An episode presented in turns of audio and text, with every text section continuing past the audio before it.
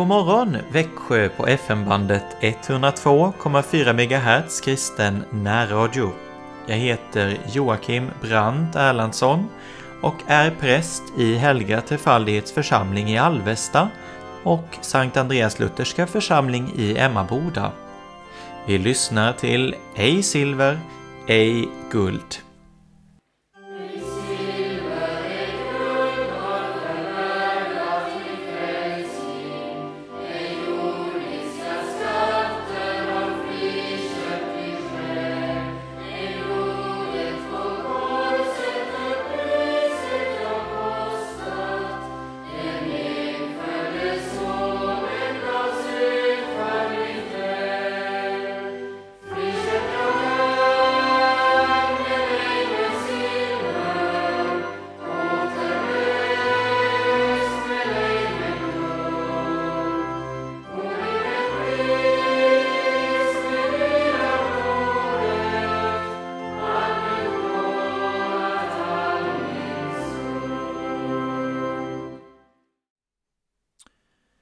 Vi ska nu i fastetid läsa ur boken De sex akterna av Simon Nilsson Röstin.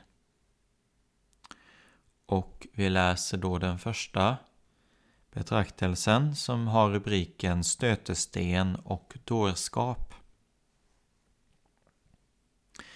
Vad är då en människa? Eftersom du tänker på henne. En människa är lik en fläkt, hennes dagar såsom en försvinnande skugga. Kan jag föreställa mig, kan jag verkligen fatta det, att den evige bekymrar sig om henne? Kan jag tro att han bestämt henne till evigt liv? Ja, långt mer än så till att bli lik Guds enfödde son, den förstfödde bland många bröder, och dela hans härlighet. En människa, en stoftets son. Hon lever sitt korta liv på ett stoftgrand i världsrymden, en atom i universum. När jag ser din himmel dina fingrars verk, månen och stjärnorna som du har skapat. Vad är då en människoson eftersom du tar dig an honom? Och denna varelse har gjort uppror mot sin skapare. Hon flyr undan honom. Hon sviker sin bestämmelse. Hon förkastar Guds godhet och säger nej till hans gåva. Hon vill inte veta av hans vård. Hon vill sätta sig själv på hans tron. Hon ser inte spåren av hans händer. Hon hör inte hans fotsteg i lustgården. Hon säger i sitt hjärta, det finns ingen Gud. Och Herren, skådar ända ner från himlen, ner på människors barn. Han bekymrar sig fortfarande om dem. Till sina gåvor och sin kallelse kan Gud inte ångra. Så evigt och oföränderligt är hans väsen, att människans otro inte gör hans trohet om intet evighetens rådslut. Välsignad är vår Herre Jesu Kristi Gud och Fader, som i Kristus har välsignat oss med all den himmelska världens andliga välsignelse, liksom han innan världens grund blev lagd har utvalt oss i honom, för att vi skulle vara heliga och fläckfria inför honom. Evighetens rådslut rubbas inte av stoftgrandets uppror. Än en gång, vad är en människa? Vad är en syndare? En avfälling? Eftersom du tänker på henne? Det är oförståeligt, omöjligt att fatta. Men så älskade Gud världen att han utgav sin enfödde son för att den som tror på honom inte ska gå förlorad utan ha evigt liv. Eftersom nu barnen, ja, barnen, så benämner skaparen dem som han hade utvalt innan världens grund var lagd. Eftersom nu barnen hade fått del av kött och blod fick han på liknande sätt del av kött och blod. Han blev en människa, lik oss i allt utom i vår synd. Av allt orimligt som kan tänkas är detta det mest orimliga. Gud blev människa och föddes av en kvinna. Han som är Guds son. Låt oss säga det med ord som mänsklig visdom försökt formulera, den andra personen i gudomen. Han föddes i Betlehem, i Judeen. Han som i begynnelsen var hos Gud och var Gud. Han blev själv en av de skapade varelserna. Hur kan man skriva ner en sats som denna? Hur kan man uttala en sådan trosbekännelse? Guds heliga änglar längtar efter att se in i det som även för dem är ett outrannsakligt under. Jesus var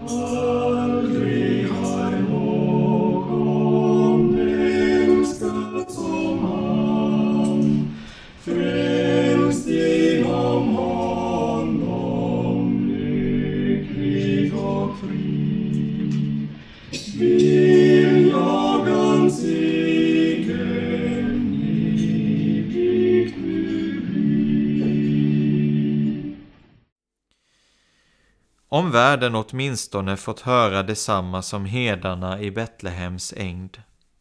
Om Guds son ändå hade kommit med något av sin himmelska härlighet ibland oss. Om han fötts åtminstone till en av jordens troner. Det skulle ändå ha varit lika ofattbart. Men nu föddes han i fattigdom och ägde i hela sitt liv inget att vila huvudet mot. Har väl någon av rådsherrarna trott på honom? Eller någon av fariseerna? Skulle de ha trott hans gudom om han burit namnet Caesar, Divi Filius Augustus, alltså Caesar, Guds son, Augustus? Nej, det namnet skulle varit allt för ringa för honom. Han kallade sig Människosonen. Han föddes i ett stall. Men han försäkrade att han skulle sitta på maktens högra sida och komma med himlens skyar. Och när han i 33 år vandrat omkring i det lilla förtryckta landet, kastbollen för denna världens makter, när han gjort tecken och under och talat så som ingen annan har talat, ställdes han inför rätta, anklagad för att ha smädat Gud. Vem kunde se något annat än människors handlande och människors dom när Jesus stod i domsalen? Var inte detta det självklara slutet på hans liv, så som han ställt sig och så som han uppträtt? Kunde det ha gått honom annorlunda? Vem kunde se att det största av allt som någonsin hänt i himlen eller på jorden utspelades i en avlägsen stad långt borta från maktens och visdomens metropoler. Vem kunde se annat än människor bland dem som handlade? Människor, lika dåraktiga och onda som var och en av oss. Romaren som lät korsfästa honom förstod att det var av avund som prästerna dragit Jesus inför rätta. Människor avundas Guds son och därför döms han till döden.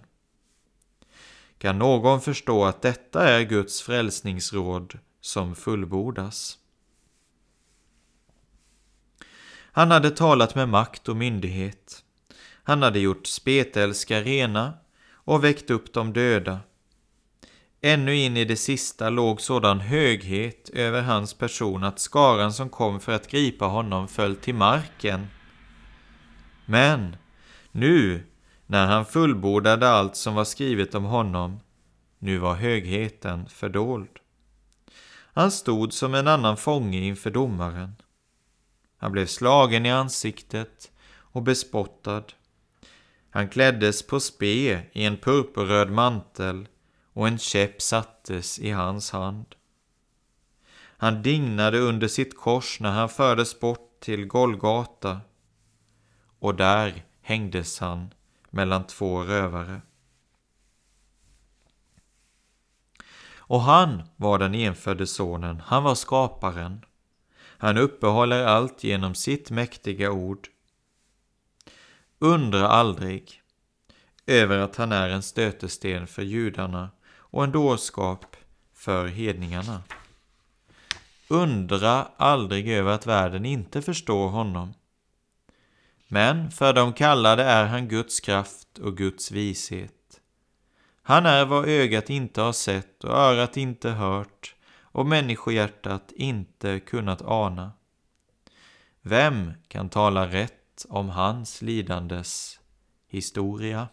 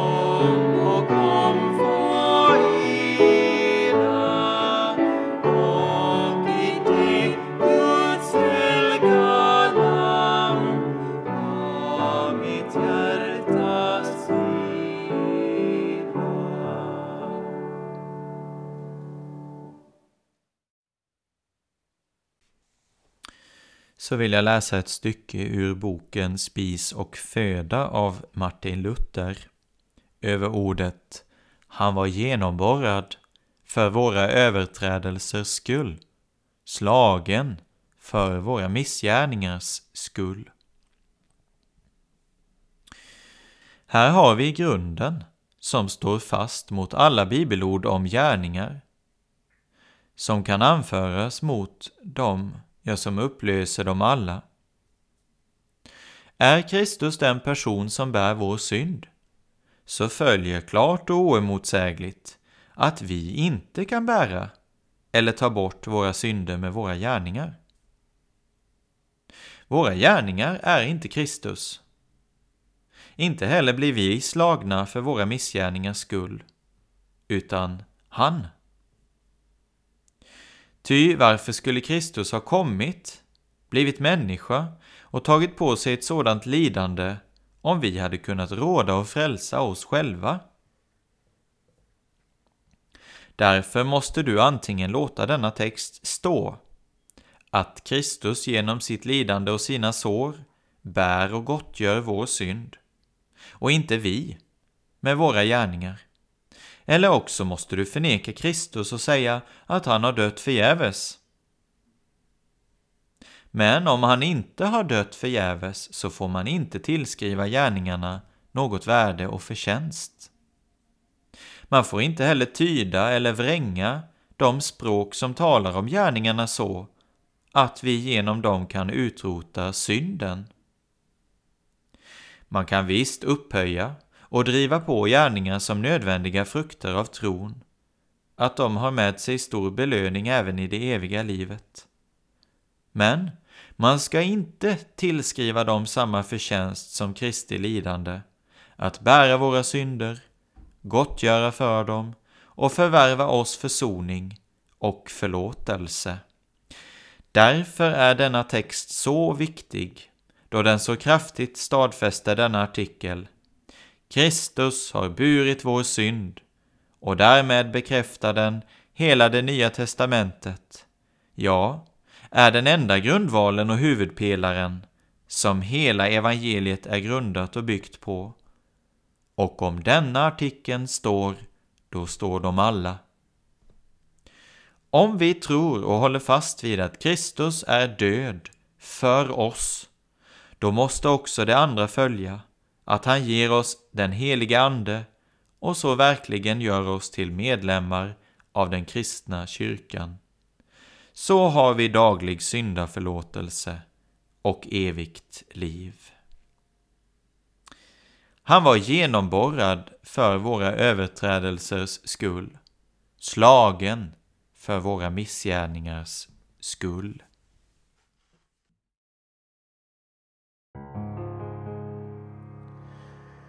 Var nu glad och sjung mitt hjärta Jesus är din frälsare.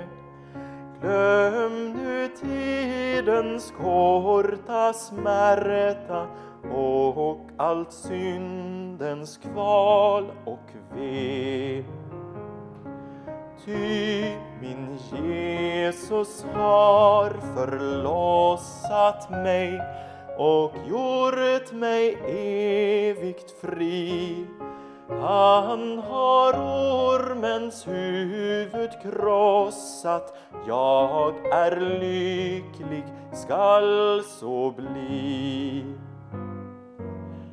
I mitt ställe näpst han blivit han i döden givit sig. Att förvarva åt mig livet ja, han gjorde allt för mig. Ingen makt skall kunna slita mig ut ur hans starka hand. Därpå kan jag säkert lita fast det synes mörkt ibland. Han har lovat att bevara mig till både kropp och själ.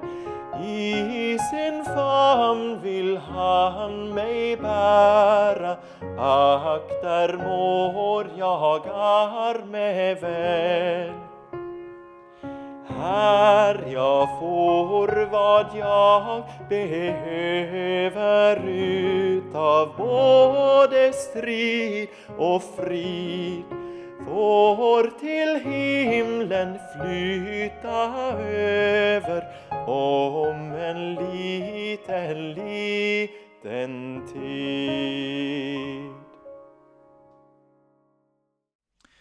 Jag läser ur boken Livets segerkrans av Hans-Erik Nissen.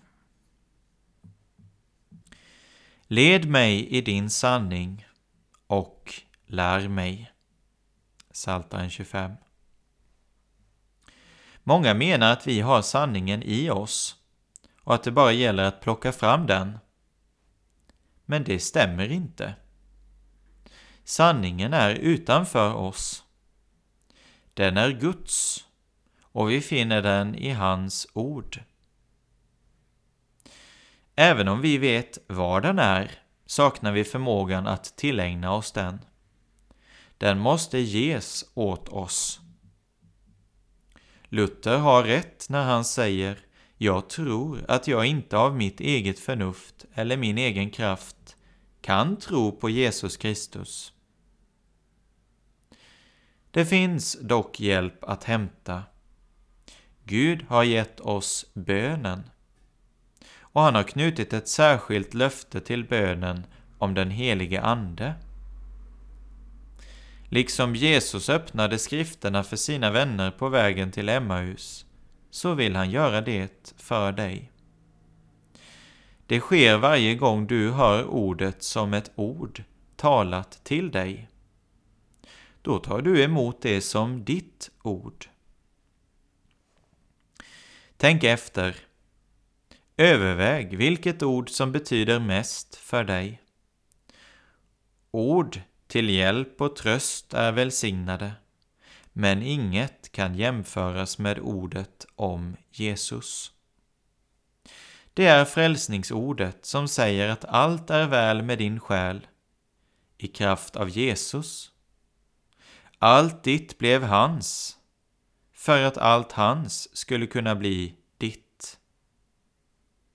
När du har allt i Jesus saknar du ingenting. Du har överflöd. Din bägare flödar över. Djupast sett är du så lycklig som du kan bli. Du är salig, inte i dig själv, utan i honom. Led mig i din sanning och lär mig.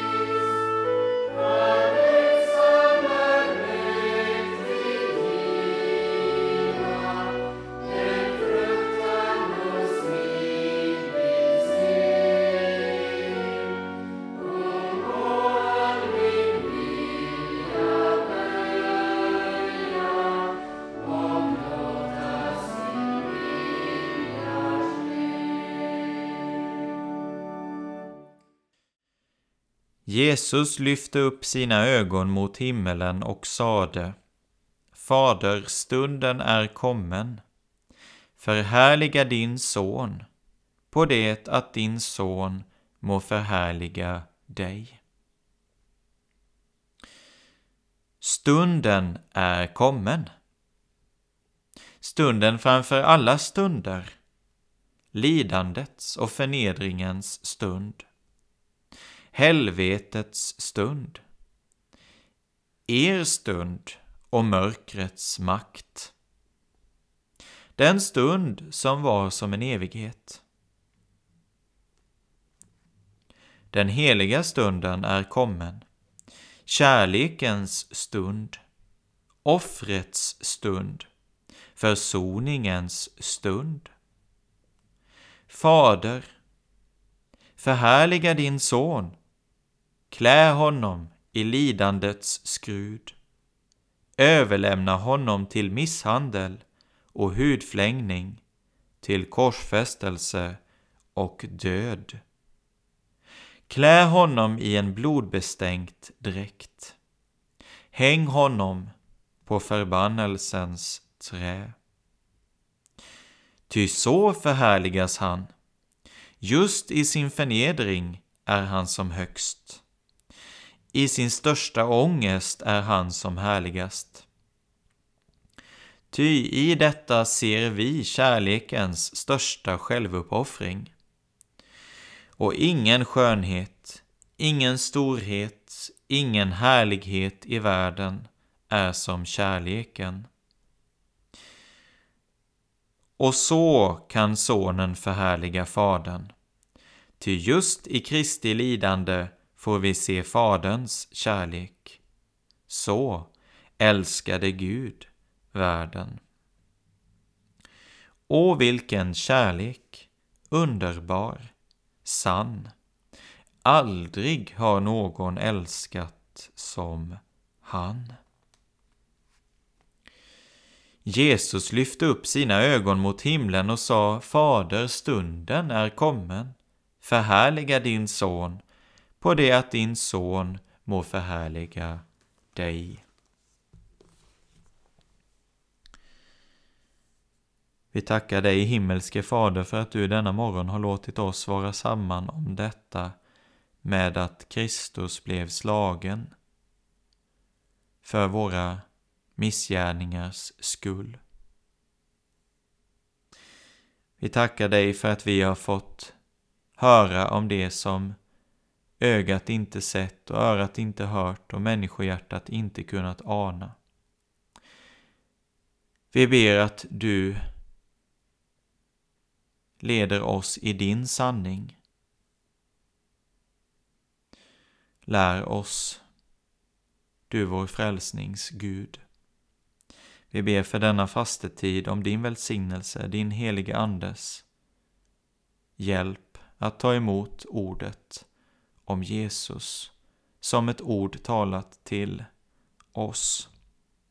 Fader vår som är i himmelen, helgat varde ditt namn tillkommer ditt rike. Ske din vilja så som i himmelen så och på jorden. Vårt dagliga bröd ge oss idag och förlåt oss våra skulder så som också vi förlåter dem oss skyldiga är. Och inled oss inte i frestelse utan fräls oss ifrån ondo. Ty riket är ditt och makten och härligheten i evighet. Amen.